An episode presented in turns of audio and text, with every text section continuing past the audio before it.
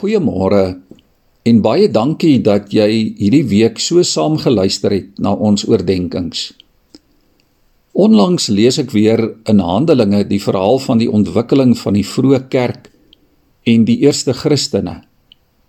Dit is aangrypende verhale van geloofsmoed en vertroue in die Here. In Handelinge 4 lees ons van 'n man met die naam Barnabas. Eintlik was sy naam Josef. Kom ek lees vir ons Handelinge 4 van vers 32. Die groot getal wat gelowig geword het, was een van hart en siel.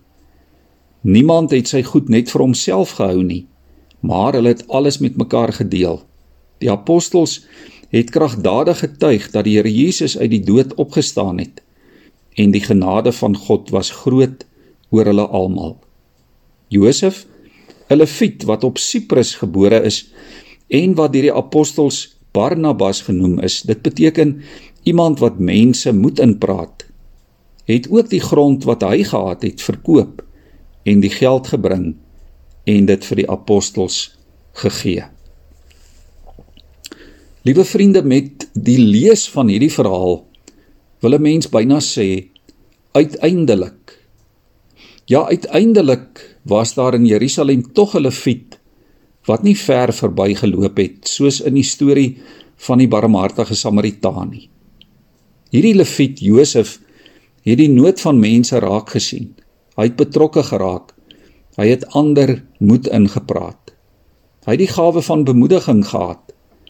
En dit het selfs daartoe gelei dat hy 'n bynaam gekry het, die naam Barnabas, wat beteken seun van moed inpraat. 'n Man wat ander bemoedig. Nadat Stefanus die eerste martelaar met klippe doodgegooi is omdat hy bely het dat hy in Jesus glo, het baie gelowiges hulle daar in die stad Antiochië gaan vestig. Die gemeente in Jerusalem het vir Barnabas gestuur om hulle te gaan besoek. En Barnabas doen presies wat hulle nodig het. Hy spoor hulle aan. Hy was die regte persoon met die regte gawe op die regte tyd op die regte plek. Hy het getrou gebly aan sy bynaam.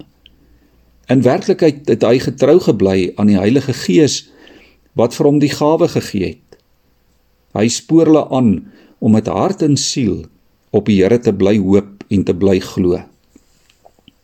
Tydens hulle sendingreise was Paulus altyd die woordvoerder. Hy was die een wat gepraat het en gepreek het en Barnabas was die stil een. Hy was glad nie op die voorgrond nie, maar hy was altyd daar om aan te spoor en te bemoedig en met entoesiasme en om mense opgewonde te maak vir die Here. Hy was altyd daar om die moedeloses en die bekommerdes se voete te was, om hulle te help om weer regop te staan. In Jesaja 50 vers 4 lees ons hierdie aangrypende woorde. Die Here my God, sê Jesaja, het my geleer om die regte woorde te gebruik sodat ek die wat moeg is kan moed inpraat. Elke môre laat hy my opnuut weer luister. Ja, liewe vriende, dalk is dit die geheim vir ons tyd, vir ons land, vir ons omgewing dat ons mekaar sal begin bemoedig, mekaar sal aanmoedig om te volhard in geloof. Maar dan sal ons ook mooi moet leer om na die Here te luister, sodat ons mekaar kan moed inpraat met die bemoediging wat van God afkom, met sy gedagtes, sy woorde en met sy wil. Ja, ons het Barnabas mense nodiger as ooit. Die vraag is Is jy bereid om vandag 'n moedinprater te wees? Ons bid saam. Hemelse Vader, seën ons asseblief met 'n Barnabas gesindheid. Kom seën ons met 'n Barnabas bediening. Bewaar ons Here van pessimisme, van negativiteit en moedeloosheid. Leer ons om na U en na mekaar te luister sodat ons die regte woorde kan gebruik om lewe en geluk en genesing vir mense te bring.